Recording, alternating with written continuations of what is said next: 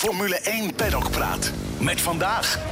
Hoogleraar sportpsychologie Nico van Iperen, chefredactie Frank Boestenburg. Mijn naam is Bas Holtkamp. Welkom. Vanaf de redactie van Formule 1 Magazine, al 25 jaar het race magazine van Nederland, is dit Formule 1 Paddock Praat. Nou heren, welkom. Leuk dat jullie allebei zijn. Uh, we gooien vandaag een beetje over een andere boeg. We gaan het vandaag hebben over de mentale kant van de sport. En wie kunnen we hier beter voor uitnodigen dan uh, Nico van Iperen? Uh, Nico, voor de mensen die jou niet kennen, niet weten wat je doet, kun je in kort uitleggen wie je bent en wat je doet? Ja, ik, ik ben hoogleraar sport- en prestatiepsychologie aan de Rijksuniversiteit Groningen. En daar doe ik onderzoek naar mentale aspecten van sport en presteren. En de laatste jaren ben ik vooral ook bezig om het aan een breed publiek te brengen. Onder andere via mijn sportscience.blog, waar ik schrijf over ja, allerlei soorten mentale aspecten die voor sport en presteren van belang zijn. En, en toegankelijk voor een breed publiek. Leuk, ja, want je merkt ook wel, ja, op de een of andere manier lijkt het alsof het mentale gedeelte bij topsporters altijd een beetje in de taboesferen uh, hangt. Ja, je ziet wel steeds meer sporters die, dat, die daar wat meer voor openkomen, zeg maar. Merk, mm -hmm. merk je dat zelf ook? Ja, ja, het is echt een heel groot verschil. enorme ontwikkeling, zeg maar, de laatste tien jaar. Je ziet dat sporters, topsporters ook ja, heel openlijk daarover zijn. Natuurlijk bekende voorbeelden als, als in, de, in de turnsport met Bijls en met de zwemsport, met de Phelps, veel voetballers die geven dat ook aan dat, ja. ze, dat ze met sportpsychologen praten. En dat is dan nog alleen maar degene die dat zeggen, maar op de achtergrond is het bijna normaal geworden dat de sporters ze af en toe of regelmatig, misschien zelfs structureel, met een mentaal begeleider praten. Wat ook in het bedrijfsleven bijvoorbeeld vaak gebeurt hè, met een coach. dus in die zin is het aan het normaliseren. Ja, dat is mooi. Nou, even kijken naar de race gisteren. In Austin hadden we Max Verstappen die weer won. Nou, hij was natuurlijk laatst, hij is laatst voor de derde keer wereldkampioen geworden. nou, de honger naar succes is nog steeds niet gestild. hij wilde weer alles winnen, heeft hij ook gedaan. Maar zijn teamgenoot, ja, die heeft een behoorlijke knak opgelopen dit jaar. Heb je dat ook een beetje mee? Jazeker, Perez bedoel je ja. natuurlijk. Ja, zeker. zeker. Die, dat, dat, leek heel goed te gaan aan het begin. Maar daar kwam opeens de klad in, inderdaad. Lijkt het, van de buitenkant. Heb je, heb je de race gisteren toevallig ook uh, gekeken op televisie?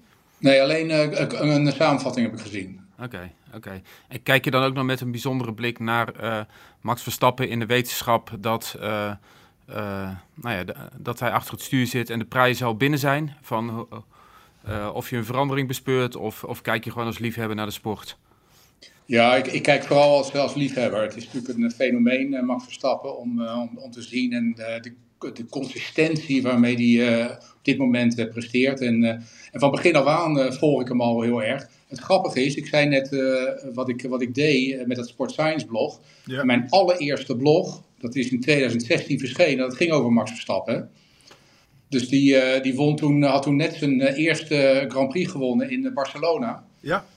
Uh, en uh, hij was de jongste, uh, jongste rijder die, die überhaupt een Grand Prix won. dat was hij net 18 geloof ik. Dus dat was wel heel bijzonder. En, en, dat, en dat blog, dat ging eigenlijk over van, ja, waarom is hij zo goed? Hè, toen al, op 18-jarige leeftijd. En nou, daar heb ik toen over geschreven. Over, dat gaat dan over talent. Een beetje de nature-nurture ja. tegenstelling die die we allemaal kennen. Van zijn dingen nu uh, aangeleerd of, of, aangeboren. Nou, en daar, en, en daar gaat dat blog over. En, en, wat was de conclusie? Nou ja, het is.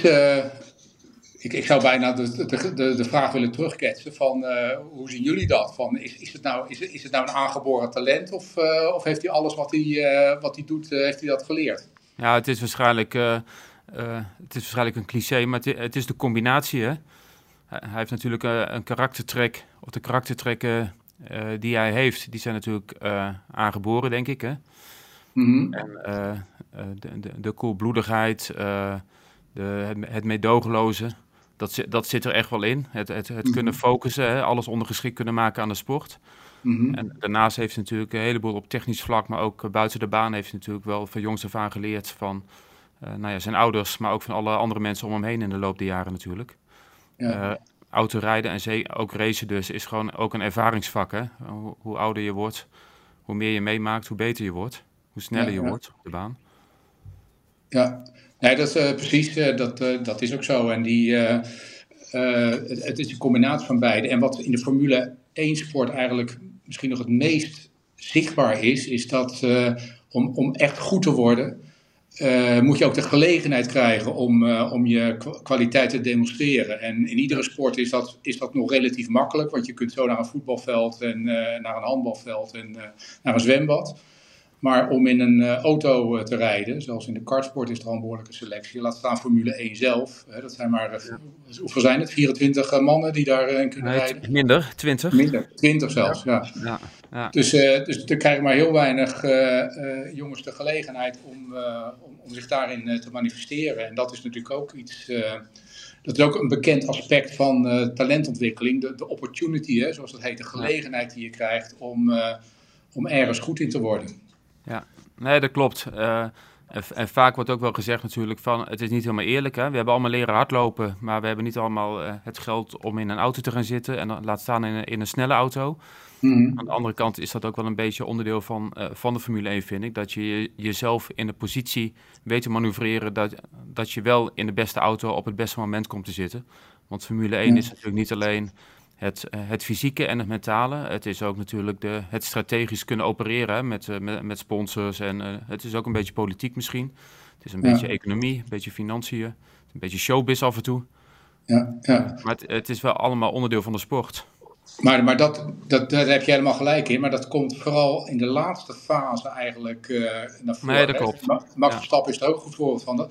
Het feit dat hij dat kan, is dat zijn vader natuurlijk uh, ja, bijna zijn hele leven gewijd heeft. Uh, Zeker op een gegeven moment om, om zijn zoon op te leiden.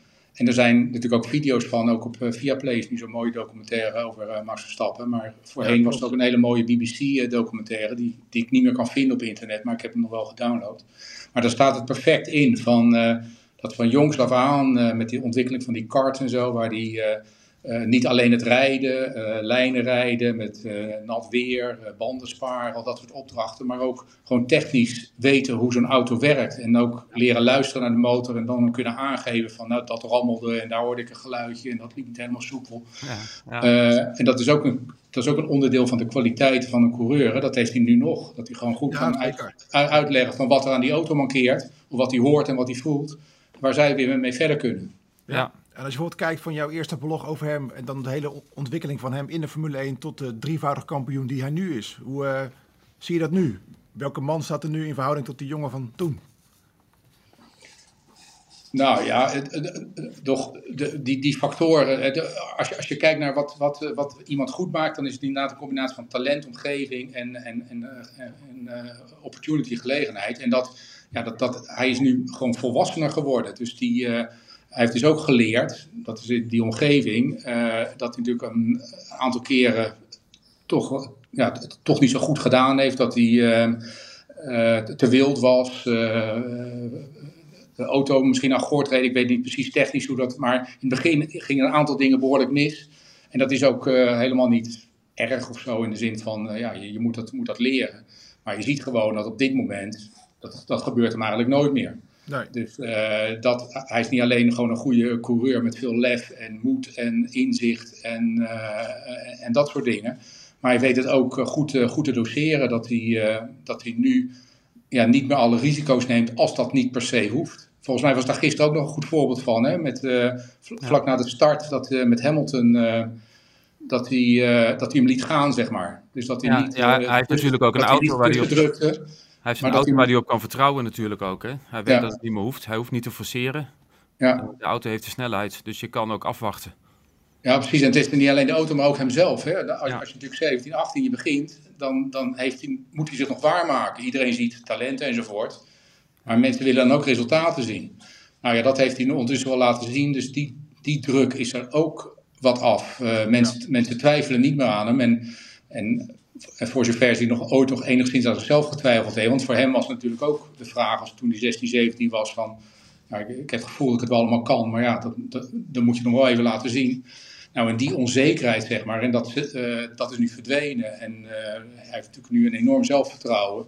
door de, door, door de records die hij heeft opgebouwd. En, en dat geeft hem natuurlijk ook rust. Nico, we hebben een aantal stellingen. En je mag er op antwoorden eens of oneens. En later mogen we er nog even op, op terugkomen. Wij ook, hè? Wij ook, ja. ja. ja, ja. Oké, de eerste stelling. Het is dom van Max Verstappen dat hij geen mental coach heeft. Uh, ja, moet ja of nee, hè? Van hij heeft een mental coach. Ja, maar dat kan, ik wel even, dat kan ik wel even toelichten. Want daar is hij, dat, dat weet hij zelf niet. Oké, okay, komen we zo op terug. Ja. De tweede. Alle grote kampioenen zijn gek. Oneens. Ik ook trouwens, oneens. En met die vorige was ik het ook oneens. Maar goed, ga verder. De derde. De grote prestatiedruk bij topsporters kan levensgevaarlijk zijn. Oneens. Eens. De vierde stelling. Bij een echte topsporter staan gezin en vrienden op de tweede plek. Oneens. Ja, uh, oneens, denk ik. Oké. En de laatste stelling. De huidige generatie topsporters, dat zijn allemaal maar een stelletje watjes. Oneens. Uh, ook oneens, denk ik. Oké, nou bedankt. Gaan we even terug eh, op een aantal stellingen. Uh, de eerste stelling van Verstappen, dat hij geen mental coach, coach uh, nodig heeft. Jij zei, die heeft hij al. Ja, ik, ik, weet, ik weet van Max Verstappen dat hij een soort uh, allergieën uitstraalt voor, uh, voor uh, mentale begeleiding. Want dan moet hij niks van hebben, als je niet nodig enzovoort. Maar ik denk dat, dat hij degene is die, ja, die, die mentaal enorm, enorme stappen heeft gemaakt. En dat hij heel veel aan mentale training doet. In overleg met, met zijn vader, vanuit, een, vanuit het verleden natuurlijk.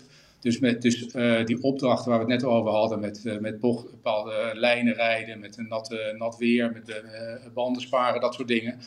Dat, is, dat kun je tactiek noemen, maar het is ook mentale training. Dat je leert van dat je onder, onder vervelende en moeilijke omstandigheden, dat je toch het maximale uit zo'n auto kan halen en meer dan, dan, dan tegenstanders.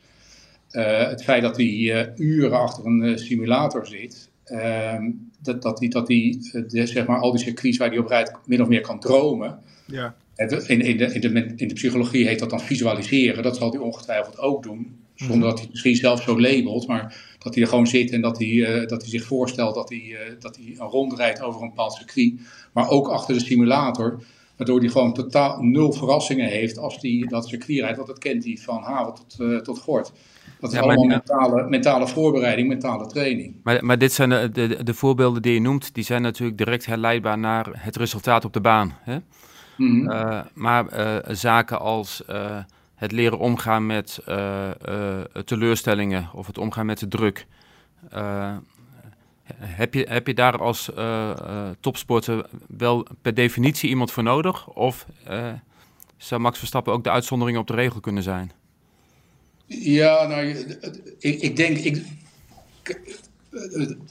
mentale training, dat is, uh, dat, dat, dat leer je sowieso ja, automatisch. Kijk, als je gewoon meer ervaring opdoet, dan, uh, dan leer je omgaan met teleurstellingen. Zeker sporters, die, uh, die, de meeste sporters die verliezen meer, ook grote talenten, dan dat, dat ze winnen. Dus automatisch leren ze daarmee om te gaan. Als ze daar niet mee leren omgaan, dan, dan vallen ze af. Natuurlijk is het, uh, zeker als, als, als, sporters jong zijn, dat ze uh, met behulp van de mentale coach, uh, mental coach, dat ze, dat ze daar een versnelling in kunnen plaatsen, om het maar even in motortermen te doen. Dat ze kunnen accelereren, dat, ze, dat ze het versneld oppikken. dat, dat kan ongetwijfeld helpen, maar ook een goede coach bijvoorbeeld, die kan daar ook al bij, bij helpen. de een is daar beter in dan de ander. Dus ik zou zeker adviseren, zeker jonge sporters, om, om dat te doen. Maar er is ook een selectie-effect. En daardoor, ik heb het al vaker uh, gezegd in, in, andere gelegenheden. Je hebt vaak uh, gearriveerde topsporters, of het nou voetballers zijn, basketballers of Formule 1-rijders. Die hebben het gevoel, die, die zeggen dan, ja, ik heb zelf nooit mentale training gehad. Maar als je ze dan hoort praten, dan is het doorspekt met mentale training die ze hebben doorlopen. Door zelf daarmee om te gaan, door met, met teamgenoten, met, met, met anderen uit de omgeving over te hebben, met een coach over te hebben, om, om, om, daarmee, om daarmee om te gaan. Maar nogmaals, dat kan versneld worden, denk ik, om, als, je, als je echt met een mental coach werkt, die op een wat meer afstand over dat soort dingen reflecteert, waardoor je ja, ook, ook zeg maar, mogelijkheden krijgt aangereikt om met dat soort dingen om te gaan. Maar, maar mentale training is niet alleen omgaan met prestatiedruk. Dat is wel een hele belangrijke component natuurlijk. Ja. Maar ook, uh, ook als het goed gaat en dat je, dat je dus voorbereidt. Hè, je, je bent gewoon een hele goede racer, een hardloper of uh, wat dan ook. Uh, en dat je je op, op een Olympische Spelen, op een wereldkampioenschap, op, op een race voorbereidt. Door die, die, visualisatie, door, door scenario's door te nemen wat er allemaal kan gebeuren. Dat is ook een heel belangrijk onderdeel van mentale training. terwijl er helemaal niks negatiefs is gebeurd. Je, je, je, bent al heel goed, je probeert het juist gewoon nog beter te doen en je beter te prepareren op datgene wat je te wachten staat. Om goed en adequaat te reageren op dingen die gebeuren. Met name voor Formule 1-rijders is dat idioot belangrijk omdat die natuurlijk met snelheden over, over de baan gaan, waarbij je nauwelijks kunt nadenken, waar je als het ware intuïtief uh, moet, moet reageren. Uh, maar, dat is, dat, maar dat is ook aangeleerd, want dat, dat is die visualisatie en die uh, op, op, op zo'n simulator, dat ze dat getraind hebben. Zoals je zei dat je gisteren de, de, race had gezien hè, op tv of een, of een samenvatting, misschien ook wel de, de huldiging na afloop stond Max op het, uh, op het podium, hij had gewonnen. En dan werd er toch uh, vrij massaal werd er, uh, was er boegeroep. Vooral van Mexicaanse fans. Hè. Max is daar niet mhm. populair als teamgenoot van, van Perez. Mm dat zijn dingen waarvan ik weet, en Max zei het ook wel, van dat doet hem echt helemaal niks. Dat laat hem helemaal koud. geloof jij dat als je op basis van het beeld dat jij van, van Max Verstappen hebt op afstand? Ja, het is altijd moeilijk voor hem te praten. Kijk, ik, ik denk, eh, het is nooit leuk natuurlijk als je uitgefloten wordt. En hij zal dat ook niet leuk vinden. En hij zal het uh, constateren. Uh, en, en dan misschien zich afvragen hoe kan dat. Maar zal het ook ongetwijfeld makkelijk van zich af kunnen laten glijden. Maar dat hij maar ik kan best voorstellen dat hij het niet echt leuk vindt, maar het, het zal hem verder ook niet beïnvloeden of zo. Of op, wat langere, termijn, dat, dat zie ik ook al voor. Maar het, het zal niet leuk zijn om dat, uh, om dat mee te maken. Nee. Dan moet je eens denken aan die uh, documentaire van David Beckham op Netflix. Ik weet niet of je ja, ook ja. hebt. Dat is ook het ja, moment dat hij die, die rode kaart kreeg en dan een jaar lang werd lastiggevallen. Dat ze zelf poppen hadden opgehangen en dat soort dingen. Het kan je een hele, hele vervelende nasleep natuurlijk hebben, sommige dingen. Ja, ja, het was een extreem, uh, extreem voorbeeld inderdaad. En, uh, niet alleen uh, in de stadions werd hij uitgefloten, maar gewoon in het dagelijks leven. Is natuurlijk een ja, celebrity. ja. misschien Max, Max Verstappen weet volgens mij in zijn privéleven nog redelijk te isoleren en zijn eigen gang te gaan. Maar Beckham was natuurlijk zo'n outdoor type, die ja. ook via zijn vrouw nog veel in de publiciteit was. En continu met publiek omgeven was. En, uh, ja, en, en, en, en continu negatieve uh, reacties kreeg. En hij, ja, dat, dat greep natuurlijk ook uh, heel erg aan. Maar op het veld was, was het effect ook relatief beperkt. Hij, hij kon, want dat is, dat, is, dat is ook het kenmerk van een topsporter. Hè? Dat, je, dat je leert om te gaan met afleidingen. En dit is een hele duidelijke afleiding. Ja. doordat en niet dat je dat kan wegstoppen of zo, van, uh, maar je, je onderkent dat een afleiding is. Maar je weet je gewoon te refocussen uh, op, op datgene wat je op dat moment moet doen. En dat is natuurlijk met name relevant als je uh, in de auto zit, zoals Max Verstappen, of als je op het veld staat, zoals David Beckham, wat hij dan zich toch weet te, te concentreren op datgene wat van hem verwacht wordt. En dat lukt natuurlijk de ene keer beter dan de andere keer. Hij heeft ook ja. slechte wedstrijden gespeeld. Maar over het algemeen ging hij daar best wel heel goed mee om. Is, is dat tegenwoordig wel uh, lastiger geworden voor, uh, voor sporters, omdat je nu tegenwoordig te maken hebt met social media? Dat was in die tijd van Beckham, uh, in die documentaire, was dat nog net wat minder dan, dan nu, hè? Ja, ja. iedereen die een mening heeft, die heeft ook meteen een podium natuurlijk. Ja. Daar ontkom je ook haast niet aan als, als topsporter, denk ik, hè? Ja, ja zeker, zeker. Dus dat, dat, is een, dat is een extra afleiding kan dat zijn. Maar je moet ook niet vergeten, topsporters hebben ook heel veel baat bij sociale media. Hè. Juist ze kunnen ook direct naar het publiek uh, communiceren over hoe dingen in elkaar zitten, van wat, uh, wat ze van dingen vinden en zo, waardoor je dat ook weer snel kunt, kunt uh, adresseren. Dus het heeft ook duidelijk voordelen. In het 20 jaar geleden was een topsporter afhankelijk van een journalist hoe die over hem of haar schreef. Ja. En hij kon zelf het publiek niet direct benaderen. Dus dat is ook weer een belangrijk voordeel van deze, deze tijd voor topsporters. Uh, nog een andere stelling waar jullie voor mij allebei een andere mening over hadden. Bij een echte topsporter staan gezin en vrienden op de tweede plek. Ja. ja. Nou, jij nou ja, ik, eh, Nico.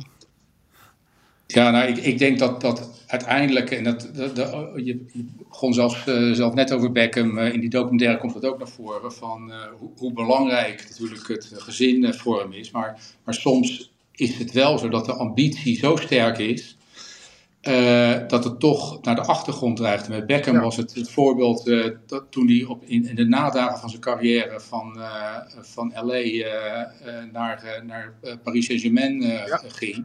Terwijl zijn vrouw dat, dat, daar, daar helemaal, helemaal, ook helemaal niks voor voelde. Precies. En, en dat hij toch. hadden ze daar en ik wil je helemaal niet weg. En nee, sorry, we gaan naar Parijs. Ja, ja, ja precies. En dat is ja, en, en dat gaf hij zelf natuurlijk ook later wel toe dat dat een grote fout is geweest. En dat het een enorme egocentrische uh, keuze was geweest, waar hij ook heel veel spijt van had. En uh, wat, wat, wat aangeeft dat eigenlijk toch wel uh, gewoon familie het allerbelangrijkste voor hem is. Maar, maar er zijn situaties waarin sporters dat ook nog wel eens, wel eens vergeten. Maar uiteindelijk denk ik dat dat wel het allerbelangrijkste is. Ja, dat is ook zo. Maar ik bedoelde ook meer, denk ik, dat bij heel veel topsporters staat alles in het, in het teken van de prestatie natuurlijk. En dan moet alles voor wijken of is alles ondergeschikt aan. En dat geldt dan ook voor, eh, voor, uh, voor familie en vrienden. En voor de tijd die ze ervoor uh, voor vrijmaken. En sommigen zijn er heel extreem in. En soms een beetje ongezond extreem, vind ik. ja. maar, maar ook, nou ja, wat je over Beckham noemde, ook bij Max Verstappen geldt natuurlijk dat hij, dat hij wel heel erg close is met zijn familie. En daar ook juist veel, veel baat bij heeft. Ja, ja, zeker, zeker. Ja. Ja. ja, maar er zijn ook voorbeelden. Ik, ik ken uh, Marit Bouwmeester bijvoorbeeld, de Zelfster, die, eh, die ken ik vrij goed. En die is meedogenloos ook in haar mentaliteit. En uh, wellicht dat jullie dat ook, ook weten. Uh, maar nu heeft ze ook een, een, een, kindje en een vriend en een familie. Ze is ook gek met de ouders trouwens. Maar dan zie je ook, ook bij haar, hè, de meedogenloze topsporter, en, en, ze geeft het ook expliciet aan, van, uh, zeker in dit stadium van de carrière, van uh, ja, ik wil nog graag naar Olympische Spelen en goud halen, maar als dat ten koste zou gaan van mijn kindje of uh, familie, dan, dan, is het einde verhaal. Ja. Dus die geeft, geeft, dat ook al aan dat dat nu heel nadrukkelijk zo is. En ja, in, de, in de trajecten daarvoor denk ik uiteindelijk dat dat ook wel heel belangrijk is. Maar nogmaals, dat sluit niet uit dat je soms toch wel egocentrische keuzes maakt. En uh, ja, dus dat is, uh, dat, dat, is, dat is ook wel een feit. Maar ja, je vraagt wat het allerbelangrijkste is. Ik, ik denk als je het al, gewoon alles tegen elkaar afgewogen, dat het dan, dat dan uiteindelijk die familie dan toch wel bovenaan staat. ik denk dat veel sporters dat zullen beamen. Ook de meedogenloze topsporters uiteindelijk. Nou, helder. Nou, je geeft er even aan inderdaad, de topsport is een egocentrische sport. als je kijkt in de Formule 1, nou, daar is natuurlijk de grootste concurrent die je hebt, is je, is je directe teamgenoot. Mhm. Nou, een groter contrast dit jaar eh, binnen een team kun je niet vinden dan bij Red Bull. Aan de ene kant uh, Max Verstappen die eh, onoverwinnelijk is. En aan de andere mhm. kant uh, ja, Perez die heel erg worstelt met zijn met vorm. Ja. Hoe kijk jij er tegenaan? En, ja, Perez heeft bijvoorbeeld ook al een psycholoog in, in, ingeschakeld dit jaar om te kijken om er toch weer het, het lek boven te krijgen. Mm. Ja, ja kijk, het, het, begon heel goed, hè? Want je zei van dit seizoen geen grote contrast. Maar in het begin daar was het eigenlijk uh, best wel uitgebalanceerd. En, ja. uh, maar toen die, uh, volgens mij het moment dat hij uitsprak, Perez, dat hij ook wereldkampioen kon worden. Toen is het direct daarna misgegaan. daarna heeft hij nauwelijks meer gepresteerd, volgens mij. En ja, dat is, dat is dan toch. verwachtingen kunnen over het algemeen fataal zijn. Hè? Je, moet, je moet als sporter natuurlijk de ambitie hebben om het hoogste te bereiken. En, uh, en, en, en sommigen die zeggen ook van ja, je moet het ook, uh, ook uitspreken, want dan heb je ook die commitment uh, da ja. daar naartoe. Uh, maar dan moet je dus ook wel ja, de achtergrond hebben en de basis en de vaardigheden om dat ook daadwerkelijk waar te maken. En, en ook, het, ook de gemoedsrust om daar goed mee om te gaan. Maar als je de dingen roept, wat, wat bij Perez een beetje het geval lijkt te zijn, dat de dingen roept en zich ja, zijn hand feitelijk wat overspeelde. En dat hij daardoor het slachtoffer werd van zijn eigen verwachtingen en, en, en, en, uitspraken. Wat voor hem als afleiding diende, waardoor die ja, die, die focus, want dan, zit hij in die, ben je aan het rijden en dan, ja, dan word je gepasseerd of dingen gaan niet zoals je wilt. En dan zit je toch met die verwachtingen die je hebt en die je hebt gecreëerd, de buitenwereld. Je word, word je weer afgemaakt als je na de race. En dat kan allemaal in het hoofd spelen op het moment dat je aan het racen bent. Uh, of voor of daarna. En ja, dat, dat kan mede de oorzaak ervan zijn dat hij, dat hij de weg een beetje kwijt raakte. Ja. Maar goed, dat, dat is allemaal specu speculeren, want ik ken de jongen natuurlijk niet. Nee, en, precies, maar... Maar, maar kan je misschien wel in de regel... Kan dat zo, op, kan dat zo spelen. Maar kan, kan, je misschien ook wel zo stellen dat uh, een hoog verwachtingspatroon uh, dat alleen maar kan helpen, op, kan bijdragen aan iets als je het ook daadwerkelijk uh, de potentie hebt om het waar te maken? Bij, kijk, Perez heeft dat geroepen, misschien ook wel een beetje onder druk van het thuisfront of het land. Of ja. hij zit natuurlijk bij het beste team, de beste teamgenoot, de beste auto. Dan word je ook wel geacht waarschijnlijk om dat een beetje te, te verkondigen. Terwijl je misschien ook niet de, de positie en misschien ook wel niet het talent hebt om, om, om het waar te maken. En dan, dan, dan voelt het misschien als een, als een, nou ja, als een, als een touw om je nek. Ja, ja, zeker. Nou, ik denk dat dat helemaal correct is. En, en dan heb je nog ook in de Formule 1 sport speelt er ook nog mee van uh, dat je ook niet alles zelf in de hand hebt. Hè? Nee. Dus, dus het is helemaal waar, je moet zelf die capaciteit hebben en zo. Maar theoretisch kan het zijn dat Perez dat allemaal heeft. Maar dat er door een, uh, door een en dat is volgens mij niet het geval, maar theoretisch zou dat kunnen, dat er een aantal dingen zijn gebeurd. Ja, gewoon veel pech, zeg maar, door, door, door, met, met de auto, weet ik veel wat. Maar dat, dat zou dus kunnen. Dus belangrijk is dat je, dat heet zelfeffectiviteit, dat dat hoog is, dat je, dat je echt denkt, dat kan ik. Nou, dan kun je daar, daar kun je uitspraken over doen en dat proberen te bereiken ook. Maar dat veronderstelt ook dat je heel veel dingen in eigen hand hebt. En uh, zeker in de sport, en misschien wel in de autosport in het bijzonder, is dat niet altijd het geval. Je bent altijd afhankelijk van, uh, uh, van tegenstanders, want die willen ook winnen. En die zijn ook ontzettend getalenteerd. En die worden ook nog eens een keertje getriggerd door jouw uitspraken. Ook dat, ja. moet, je, moet, je net, moet je net bij Max Verstappen zijn natuurlijk, om zoiets te roepen. Ja.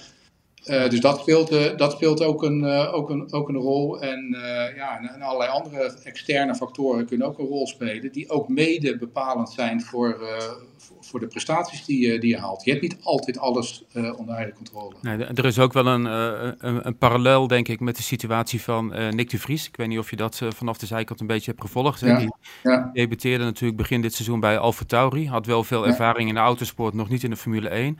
Maar hij werd toch een beetje uh, al bij binnenkomst, al voor binnenkomst, uh, binnengehaald als, uh, nou ja, als de redder in nood. Hè? De ervaren man. Hij moest voor stabiliteit zorgen. Ja. Voor de eerste kwalificatie, nou ja, zei de team was al, verwacht ik dat hij er staat. En, ja. en dan, dan wordt er zo'n hoog verwachtingspatroon gecreëerd, wat eigenlijk ook niet realistisch is. Nee, nee precies, precies. De, de, de, precies, dan spelen we al die factoren die ik zo net noemde. En, en de kunst is dan in zo'n situatie, uh, want uh, Nick de Vries is natuurlijk ook een hele goede coureur. Uh, en die kan in principe beter dan die heeft laten zien, zou je zeggen. Maar dat je dan toch probeert om gewoon te laten zien wat je kan. En eigenlijk gewoon in, de, in, de, in het moment zelf ja, proberen zo goed en zo snel mogelijk met die auto van A naar B te gaan. Maar, ja, maar, daar heb ik een vraag over. Heeft, heeft hij niet een, misschien wel een denkfout gemaakt door daar te veel in mee te gaan. Moet je als coureur juist als je ergens binnenkomt in de Formule 1, een nieuwe klasse, een nieuw team, een nieuwe auto, onbekende omgeving. En er worden, heel worden nou, hoge verwachtingen uitgesproken. Is het dan niet mhm. verstandiger om te zeggen van, nou ja, om een beetje de verwachtingen juist te temperen. Te zeggen, ik ben nieuw, geef me de tijd. En hij ja. is daar voor mijn gevoel juist een beetje te veel in meegegaan. En heeft zich, heeft zich een rol aangemeten die, die, nou ja, nou, die uiteindelijk ook een beetje tegen hem is gaan werken. Het zou, dat zou kunnen. Ik, ik kan de situatie niet inschatten, maar ik kan, ik kan, me dus ook voorstellen van als hij dat zou doen, dat ze dan zeggen, ja, nou, oké, dan gaan we met een ander in zee, weet je wel. Als je, uh, als je daar geen, zelf geen vertrouwen in hebt. Ja, je moet het ook pas doen als je het contract hebt getekend. Ja, ja, oké, oké. ja, precies. Als je dan... Maar want het kan ook zijn dat je denkt van, uh, waar we het begin over hadden, er zijn maar heel weinig uh, plekken beschikbaar. Dus je, moet, je bent wel heel blij, en hij was dat ook, dat hij die ja. kans kreeg. Ja, precies. En dat je dan maar de omstandigheden voor lief neemt en de verwachtingen van anderen. Ja, het is zoals het is. En, uh, en dat, je, dat je dan toch probeert gewoon je eigen, op je eigen kompas te varen en proberen het zo goed, zo goed mogelijk te doen. Wat in zijn geval misschien niet helemaal lukte, omdat hij zich toch te veel liet afleiden door die verwachtingen. Dat zou heel goed kunnen. Ja. we hebben het een beetje over hoe, we hadden het net even zijdelings over hoe teamgenoten zich tot elkaar verhouden. Dat geldt eigenlijk ook voor, uh, voor een aantal andere sporten. Nou, we, uh, we, hadden het voor de podcast even over Mark Tuitert. Dat, is natuurlijk, dat was een schaatser. Die, je, je traint in het team, maar je staat ook tegen je teamgenoten op de baan als concurrent. Dat is in de mhm. Formule 1 misschien nog, nog wel wat extremer. Maar juist bij dat soort sporten spelen, denk ik, mentale spelletjes richting een concurrent en dus ook richting je teamgenoot ook wel een, een, een belangrijke rol af en toe, denk ik. Hè? Ja, Zeker, dat, dat, dat, zou, dat zou heel goed uh, kunnen. Van, uh, kijk, met schaatsen is, is uh, schaatsen is wel een aardig voorbeeld. Ook, ook omdat er binnen schaatsen ook grote verschillen zijn. Hè. Als je kijkt naar lange baanschaatsen, waar Tuiter natuurlijk in groot geworden is. Ja. En short track, dat zijn totaal verschillende culturen. En short track is een enorme teamgeest. het belangrijkste onderdeel bij de short track, dat is de, de aflossing. daar, daar gaan ze allemaal voor. En het afgeleide daarvan zijn allerlei individuele prestaties. Dat, ligt misschien wat genuanceerder voor de ene rijder dan voor de ander. Maar even globaal genomen. In het uh, lange, uh, lange baanschaatsen, ja, daar is die achtervolging of die teampursuit, dat is een beetje een bijnummer. Ja, daar, gaan we, daar ga ik geen tijd voor uittrekken om te trainen. als het zo uitkomt, wil ik best wel eens trainen. Maar ik, ik ga er geen serieus rekening mee houden. Want het gaat om die individuele prestatie. Uh, en dus dat is al een, een, een, groot verschil. En dan heb je inderdaad binnen een team, uh, dat was ook met Sven Kramer toen uh, Patrick Roes uh, steeds beter werd. Op, in het begin was Sven Kramer een soort van mentor en, en allemaal, ja, en Roes was een beetje een kleine boertje die die aan de hand nam. Tot Roes toch wel ja, harder dan Sven begon te schaatsen op, op bepaalde momenten. Dat hij dacht van nou ik ga geen dingen meer vertellen of zo. Dus dan krijg je zo'n omslagpunt. Uh, dat, je, ja, dat je denkt, ik ga mijn concurrent, ook als die binnen mijn team zit, niet uh, wijzer maken dan, uh, dan dat hij is. Maar er zijn, er, zijn, er zijn best wel verschillen. En dat, we hebben het net over hoe belangrijk je familie is. En ook, je kunt analoog daaraan kunnen, hoe belangrijk zijn je teamgenoten en de onderlinge sfeer. Ja. En we hadden het net over series op tv van, je hebt ook de Tour de France hè, op, ja op uh, hoe heet die zender? Uh, Netflix. Ja. En daar zag je dus ook, en dat is ook de moraal van die serie, er werd ook expliciet gezegd dat uh, wielrennen ook een teamsport is. En je zag binnen dat team Jumbo dat ze elkaar ook daadwerkelijk dingen gunden. Ze waren, ja. een, een, een, een, sport waar natuurlijk de concurrentie moordend is en waar mensen ook binnen teams elkaar hebben concurreerden. Er zijn genoeg voorbeelden van in het verleden. Maar binnen dat team uh, was die sfeer toch wel anders. En uh, uh, dat, dat, dat hoe heet die, de, onze Deense vriend die de Tour de France won, die, die hield zich in de laatste etappe ook in dat Wout van Aert uiteindelijk die, die tijdrit won. Ja, klopt. Hij liet, echt, hij liet echt de overwinning aan zijn teamgenoot. Nou, dat, dat soort dingen. Dat, dat is ook wel heel mooi natuurlijk, dat dat ook gebeurt in, op dat niveau. Maar dat is natuurlijk ook wel omdat wielrenners over het algemeen allemaal een andere rol hebben binnen een ploeg. Hè? Je hebt een, de, de knecht, je hebt de klimmer, je hebt de sprinter. Ja. En, en, en, je gunt elkaar het beste tot op zekere hoogte, denk ik. Hè? Het moet vooral niet ten koste gaan van je eigen succes. Want, want dan verandert dat wel. Dat geldt ook nou, dat hoeft niet. Nee? bijvoorbeeld, die, uh, die won toen de Tour de France. Uh, en wat ik net zei met die tijdrit, die had hij gewoon kunnen winnen. Maar hij hield in. Dus het, het ging ten koste van hemzelf. Hij werd toen uh, tweede, omdat hij zich de laatste 500 meter uh, inhield, waardoor, die, uh, waardoor Wout van Aert een paar seconden sneller was. dus dat, dat ging, je zou kunnen zeggen, dat ging ten koste van, van hem, maar hij vond het mooier, omdat Wout van Aert natuurlijk ook heel veel dingen voor hem heeft gedaan. Ja, werk, ja precies. Dan, dan gunt hij dat. En het is ook, en het is, en je kunt ook zeggen, het is niet alleen gunnen aan Wout van Aert omdat hij een toffe gozer is, maar het is ook uh, omdat Wout van Aert ook de volgende keer moet hij mij ook helpen om die berg op te komen. Precies, voor de lange dus het, is, het is ook een investering, uh, ja. zeg maar. Het is ook heel instrumenteel. Uh, dus het is altijd een mix, mix van motieven die een rol spelen. Maar ik heb de indruk dat in dat team dat die relaties ook echt wel goed waren. En, maar ook dat hun sportieve belangen natuurlijk ook voorop stonden. En dat je in je teamgenoten als het ware investeert dat je ook op hun hulp kan rekenen uh, een volgende keer wanneer jij ze weer nodig hebt. Ja, nou, dat, doet, dat doet Max Verstappen natuurlijk in de, in de Formule 1 ook wel. Hè? Door als hij een prijs heeft gewonnen of een titel, dat hij het, het hele team, van, uh, van uh, de mensen in, in de garage tot de mensen thuis in de fabriek, zeg maar, dat ze, dat ze iets van hem krijgen en hij betrekt ze erbij. Alleen, ik denk alleen dat de directe teamgenoot, ja, daar, daar heb je dan toch wel een, een iets andere relatie mee. Ja, ja. Nee, het zou, het zou kunnen van, ik, ik, ik, denk in de komende ritten, wanneer het, wanneer, uh, het niet goed gaat met zijn auto, dat Max weer een, een beetje tegensputterende auto heeft, dat hij een beetje rond die, rond die tweede, derde plaats hangt of zo, dat hij toch niet meer kan winnen. Dat hij, en, en als Perez op, voorop rijdt, dat hij, dat hij een beetje een buffer vormt en een beetje in de weg gaat rijden voor achtervolgers of zo dat hij dan een soort uh, tegenprestaat. Dat zou kunnen. Dan gaat het niet echt ten koste van hemzelf, want de eerste kan hij sowieso niet worden. Nee. Maar ik denk, ik zie Max Verstappen geen overwinning aan Perez gunnen als ze beide 1 en 2 liggen. Dat, nee, uh, dat, dat zie ik hem ook niet doen. Dat zie ik ook niet gebeuren. nee. Is dat ook een trekje van de echte grote kampioenen, zeg maar? Als je kijkt van, uh, van, van Sven Kramer tot Schumacher, tot Verstappen, tot noem maar iemand op. Zie je verschillen tussen die grote kampioenen en andere topsporters? Is er iets nou, het, het, hangt dus, het hangt dus af van de sport, hè? van in hoeverre je teamgenoot ook instrumenteel voor je kan zijn. Ik kan me herinneren aan rit ook uh, die Verstappen gewonnen heeft, dat PRS ook een hele belangrijke rol heeft gespeeld bij het ophouden van uh, concurrenten. Ja, ik weet niet of dat afgelopen seizoen was of uh, begin nee, van dit Abu Dhabi 2021, de race ja. dat Max Verstappen wereldkampioen werd. Ja, ja, precies. Toen had Perez een hele belangrijke rol. Nou, ja. Ik kan me voorstellen dat dat dus dan had hij wat aan zijn teamgenoot. Ja, en, ja. Uh, ik kan, en, en, als jij, uh, dus af en toe heb je ook in de Formule 1, heb je je teamgenoot ook nodig om, uh, om een goed resultaat te halen. Ja. Dus ik kan me voorstellen dat je, dat je dan ook een keer wat, wat terug doet. Maar in Formule 1 komt dat relatief weinig voor. In, bij wielrennen komt dat vaker voor. Ja, en, in andere sporten. Dus als het ook in, in die zin is, uh, is, is, is wielrennen dan meer een teamsport zeg maar, dan uh, Formule 1. Waardoor het ook verstandig is en tactisch slim om gewoon ook in je teamgenoten te investeren en ook die uh, overwinningen te gunnen. En dat ja. gebeurt daar ook vrij regelmatig. In de maar nog even los van of, of je je teamgenoot kan helpen of niet. Zie je überhaupt een verschil tussen de echte grote kampioenen en een, andere topsporters? Is er iets anders in hun brein? Iets anders waar, waarvan je denkt van hé, hey, die... Nee, nou kijk, als je de, de, echte topsporters die hebben natuurlijk een enorme drive om te winnen. En die willen niks anders, uh, niks liever dan, dan winnen.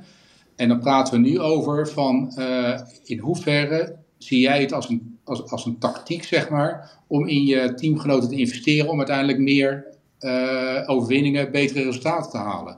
Dus het kan dus het kan ook gewoon dom zijn uh, om, om niet in teamgenoten te investeren, omdat dat later je tegen, kan, uh, tegen je kan keren in bepaalde sporten. Dus de, de, de meedogenloze winnaar, die zal ook investeren in de teamgenoten, omdat overal dat tot betere resultaten leidt.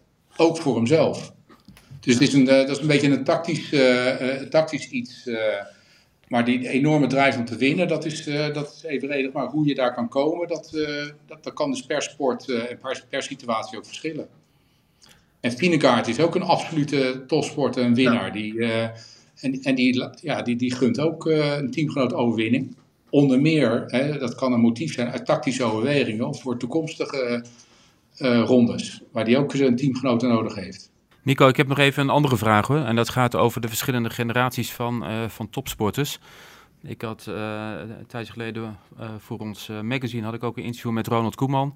En die, en die had het een beetje daarover. Die zei tegenwoordig hebben voetballers, en dus eigenlijk ook, ik vertaal het naar, naar andere, ook naar andere sporters, meer moeite om elkaar de waarheid te zeggen. Het is, ze zijn allemaal een beetje wat, ze zijn wat liever voor elkaar. En vroeger, mm -hmm. als iemand over de scheef ging op een training, dan corrigeerde je elkaar. En nou ja, dat uh, voetballers doen al met een tackle of, met een, uh, met een, uh, of, of, op een andere manier. Hij zei, mm -hmm. maar tegenwoordig, iedereen gaat eerst met elkaar in gesprek. Of ze schakelen een vertrouwenspersoon in. Of het is allemaal een beetje lief, een beetje slap. herken jij iets van een dergelijke ontwikkeling? Ja. Wat hij bedoelt? Ja, ja, ik weet wat je bedoelt. En uh, ik, ik, denk dat het een beetje een maatschappelijk verschijnsel is. Hè? Van, uh, dat we allemaal heel voorzichtig zijn. Niet alleen in de sport, maar ook in het bedrijfsleven, in uh, onderwijs. van wat je wel en niet kan en mag zeggen. Op televisie, ja. dat, ja. dat voormalige sterren gecanceld worden. En, dat, dat maakt allemaal in de politiek. Dus, dat, dus op dit moment zitten we een beetje met z'n allen te worstelen over wat wel en, en niet kan. En dan, ja, dan is voorzichtigheid wellicht troef in, in veel gevallen. En dat moet zich ja, wat weer uitbalanceren of zo. Dus het is, het is in ieder geval wel een, een, een teken van deze tijd, inderdaad. Ik weet niet of het een ontwikkeling is of dat in de zin dat dat, dat, dat over, over 10, 15 jaar nog steeds is. Misschien hebben we dan wel een balans gevonden over wat wel en niet kan. Want ik denk dat zeker de sport natuurlijk zodanig emotiegestuurd is dat daar altijd wel woorden vallen. En het zal altijd wel zo blijven, maar inderdaad nu in veel gevallen wel wat met de handrem erop. Dat, is, uh, dat het, lijkt wel Ja, het, het, het, klinkt vaak een beetje alsof, het iets, uh, nou ja, alsof er ook een nivellerende werking vanuit gaat. Hè? Want bij topsport hoort natuurlijk een beetje onbegrensd denken. Hè? Er zijn geen grenzen. Je moet, uh, nou ja, het zijn vaak extreme uitdagingen die je aangaat of extreme trainingsarbeid die je moet verrichten. Ja. tegenwoordig moet het allemaal een beetje binnen bepaalde kaders passen, lijkt wel. Ja, nou kijk, eh, je, je krijgt gelijk eh, als we de komende jaren geen enkele verbetering van wereldrecords eh, en Europese records zien. En dat zie ik nog niet gebeuren. Integendeel, van, in alle sporten wordt er nog altijd sneller gelopen, sneller, sneller gezwommen enzovoort. En we hebben in, in Nederland een mooi voorbeeld van Femke Bol. Ja, gewoon een, een, een, Oh, ik ken haar verder, ik ken haar persoonlijk niet, maar ze maakt op mij een hele sympathieke, rustige, eh, lieve indruk eh, bijna. En, maar het is ook een meedogenloze topsporter natuurlijk, die uh, ja, waanzinnige tijden loopt. En, en ook vorig jaar nog een wereldrecord indoor. En, dus het gaat ook alleen maar sneller. Lieke Klaver, haar teamgenoot. Dus dat, dat, dat, dat ondanks de sfeer, zeg maar, met een beetje de, de handrem erop, ik denk ook dat er absolute wereldrecords kunnen worden gelopen. Prestaties kunnen ver, verbeterd in een, ja, noem het wat milder klimaat. Uh, het is niet altijd nodig om elkaar helemaal uit te kafferen om, uh, om de beste resultaten te halen. Het kan ook op een andere manier, ja. denk ik. Maar daar zijn we nu met z'n allen naar op zoek. En, uh, en nogmaals, de resultaten lijken, lijken niet in de richting te gaan dat we, dat we alleen maar naar beneden gaan. Integendeel. Nou, we kregen nog een aantal vragen binnen van onze luisteraars. Uh, de eerste vraag is van Linda Alblas en die vroeg zich af: uh, vaak zie je dat topsporters na hun carrière in een zwart gat vallen. Moet er niet meer uh, aandacht naar uitgaan vanuit de clubs en de, en de teams? Ja, ik denk dat we, eh, dit is een moeilijke balans. Hè? Van topsport is focus en 100% vergaan. Maar goed, je hebt 24 eh, uur per dag en je kunt ook niet 24 eh, uur per dag trainen. Je moet ook nog slapen en andere dingen doen. Dus je hebt ook wel tijd, uh, ook, ook naast het trainen en na het rust, naast het rusten, ook wel tijd om andere dingen te doen. En het is, het is wel verstandig om over na te denken van, uh, ja, wat is een, wat is een goede investering voor, voor hierna? Ja. En voor, voor een aantal sporters, veel sporters die doen dat sowieso al. Die, veel zitten natuurlijk op school en zijn aan het nadenken over wat ze, wat ze daarna uh, willen doen. Sommigen doen dat, uh, doen dat in mindere mate, dus die hebben daar misschien ook wel uh, begeleiding bij nodig om daar wat aandacht aan te besteden. Om iets naast hun sport te doen, wat ze ook leuk vinden. En wat elkaar ook kan versterken. Hè. Het is niet dat het ten koste gaat van de sport. Vaak veel, veel sporters die ook dingen ernaast doen, die, hebben dat, die zeggen ook expliciet, die hebben dat nodig. Juist om hun zinnen wat te verzetten en gewoon met iets anders bezig te zijn. En daardoor ontspannen, meer ontspannen in sport te kunnen beoefenen. Ja. Dus, uh, dus over het algemeen is het verstandig om, uh, om dat zwarte gat tegen te gaan, om je, om je op, ook op andere dingen te richten. Het kan school zijn, ondernemen zijn, natuurlijk veel sporters ook doen. Ja, met, ook met hun social media, waar we het net over hadden. Hè. Sporters kunnen ook het touwtje in eigen handen nemen, ook wat, wat dat betreft. Dus dus over het algemeen eh, is dat uh, aanbevelenswaardig. Ja, inderdaad. helder. Ik heb nog een vraag binnen van Casper van Dijk. Uh, waarom is bijgeloof zo groot in de, in de topsport? Ja, ik, ik, ik, weet niet per se of het heel gro uh, groot is. Het komt, komt inderdaad voor. Uh, maar ook bij niet-topsporters komt, dat, komt dat vaak voor. Ja, dat mensen op bepaalde rituelen hanteren waar je denkt, waar is dat voor nodig? Maar dat, ja, dat, daar voelen ze zich goed bij. En, en sommige sporters uh, hebben, hebben dat ook. En, uh, en, en, en, een goed voorbeeld is natuurlijk uh, Rafael Nadal, de naam die ik ook net ook wel laat vallen, ja. liet vallen. Daar heb je mooie filmpjes op internet ook. dat, dat is, daar word je al moe van als je naar kijkt, zeg maar, dat hele ritueel. en, en als je aan het vraagt van, ja, waarom doe je dat? Zegt hij, ja, nou, dat, dat geeft me rust, dat geeft me structuur, dat geeft me vastigheid. En wat denk je, als het mij niet zou helpen, dat ik het nog zou doen? Weet je wel? Dus dat is de regel van als het jou helpt als je, uh, en je voelt je daar rustig bij en, uh, en prettig, ja, lekker, uh, lekker blijven doen. maar het, het, het, het, nadeel van bijgeloof kan zijn dat je, dat je daar zo in verstrikt raakt, dat je als het ware niet meer ziet van, dat, dat, dat je er ook nadeel van hebt. En dan moet je soms, ja, daar hebben sporters dan ook wel soms hulp bij nodig om, om daar vanaf te stappen. Ja. Uh, laatste vraag van uh, Bob Harmsen. Uh, coureurs hebben tegenwoordig heel veel sponsorverplichtingen en klagen er ook wel eens over. Ook is het erg druk op, op de grid vlak voor de start. Wordt er niet te veel gevraagd van de coureurs tegenwoordig? Ja, dat, ik, daar, is, daar is inderdaad de autosport vrij uniek in, hè, dat dat gebeurt. Dat je gewoon inderdaad, een, volgens mij zelfs tot, tot een paar minuten voor de start, dat je met, met coureurs kunt praten. Ja. Dus dat, is, uh, dat lijkt inderdaad uh, enorm uh, afleidend, of dat kan heel afleidend werken. Dus ja, het is een beetje de cultuur. Dus het kan ook zijn dat de jongens die dat, ja, dat ze daarmee om kunnen gaan, dat ze niet beter weten als het ware. Ja, dat is gewoon onderdeel van de autosport. En dat ze heel goed, als ze eenmaal in die auto zitten en ze staan aan de start, dat ze zich dan volledig kunnen focussen op datgene wat ze moeten doen. En dat is, dat is het criterium, zeg maar. Op het moment dat het ertoe doet, dat je dan eh, die focus eh, kan, kan hebben. En dat is ook een kwestie van trainen.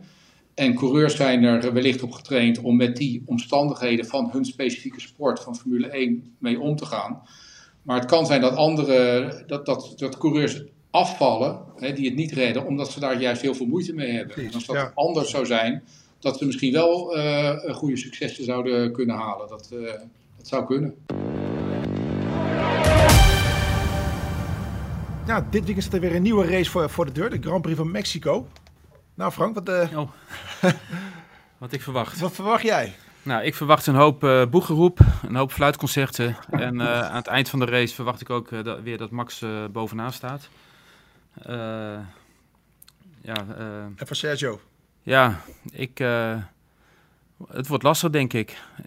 Je, je ziet dat hij worstelt. Hè? Hij had natuurlijk afgelopen weekend in Amerika had hij geluk. Hij, zat, hij, hij finishte achter Hamilton, maar Hamilton werd gedisqualificeerd. Dus hij loopt wat uit in de WK-stand ten opzichte van Hamilton. Dat geeft hem misschien wat mentale rust. Maar goed, ik denk dat, uh, dat hij al zoveel fouten heeft gemaakt dat uh, zijn positie uh, eigenlijk, nou ja, onhoudbaar is misschien een groot woord. Maar ik denk niet dat hij volgend jaar nog in het stoeltje zit bij, bij Red Bull. Heel en jij, Nico? Ja.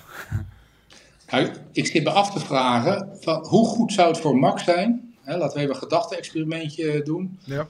Dat, dat Max in staat is om Perez te helpen, aan een overwinning te helpen. Eigenlijk is Max de beste, die, eh, die, eh, als hij wil dan wint hij uh, waarschijnlijk. Maar dat hij, dat hij het Perez gunt. Dan heeft hij geen overwinning, dat gaat zijn record, uh, dat is dan, gaat dan minder scherp staan.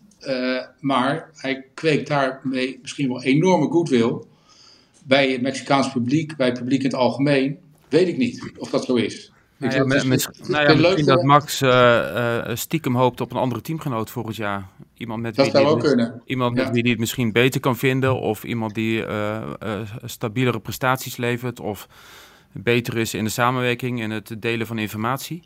Ja, uh, ja. Als, dat, als dat zo is, dan uh, gaat hij dat niet doen. Uh, dus het is alleen maar een gedachte-experiment van... stel dat hij inderdaad wil dat de PRS blijft... wat volgens mij niet waarschijnlijk is dat hij dat wil... dan zal hij dat niet doen. Maar, het is, maar we hadden net over van, van teamsport enzovoort. En dit is zo'n situatie waar je kunt voorstellen... dat een topsporter een collega een overwinning gunt dat heel goed is voor de collega, PRS in dit geval, maar ook heel goed kan zijn voor jou als sporter vanwege de goodwill en uh, wat je daarmee kweekt en uh, dat je niet meer stuk kan bij je teamgenoot die ook in, in, uh, in de toekomst dingen voor jou zou gaan doen.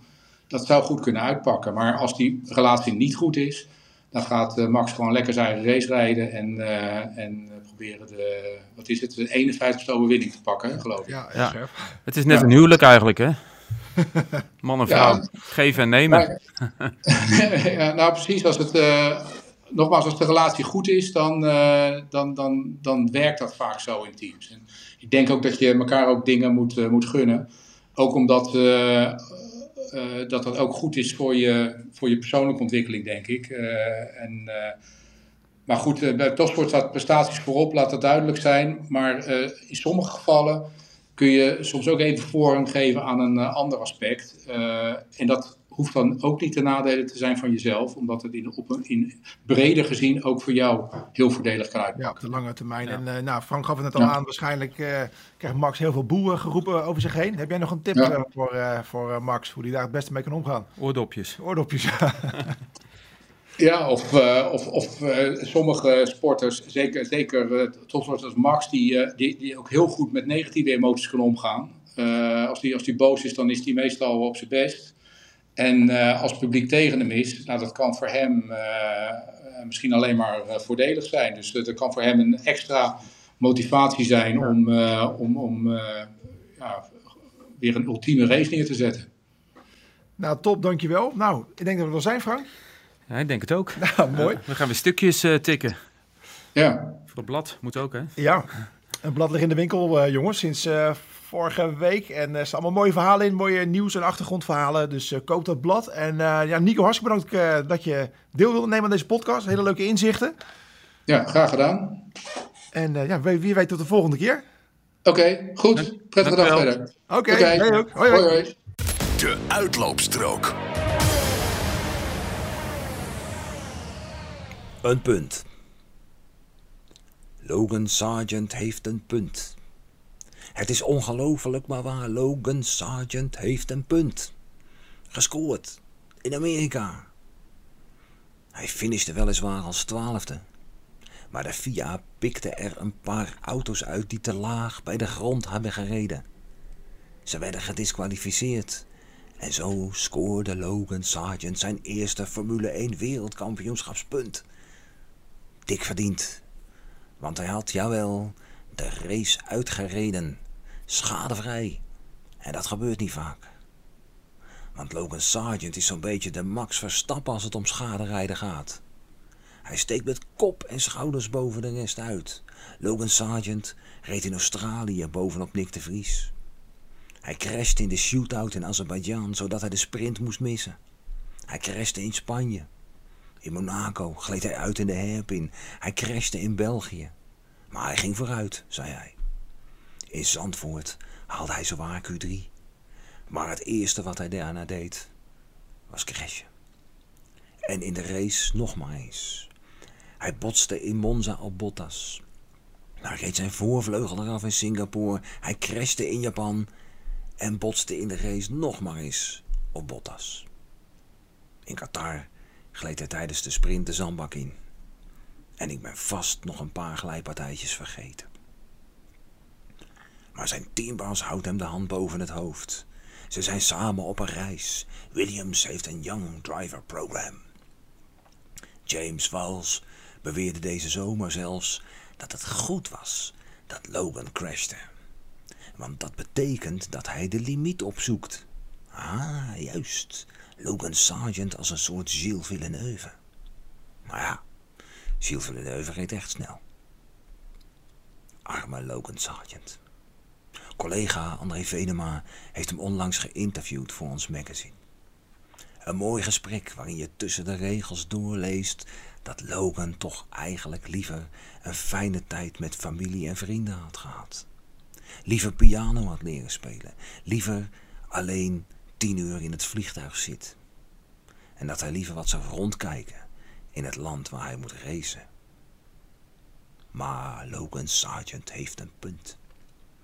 En nu moet hij, vrees ik, nog een jaar.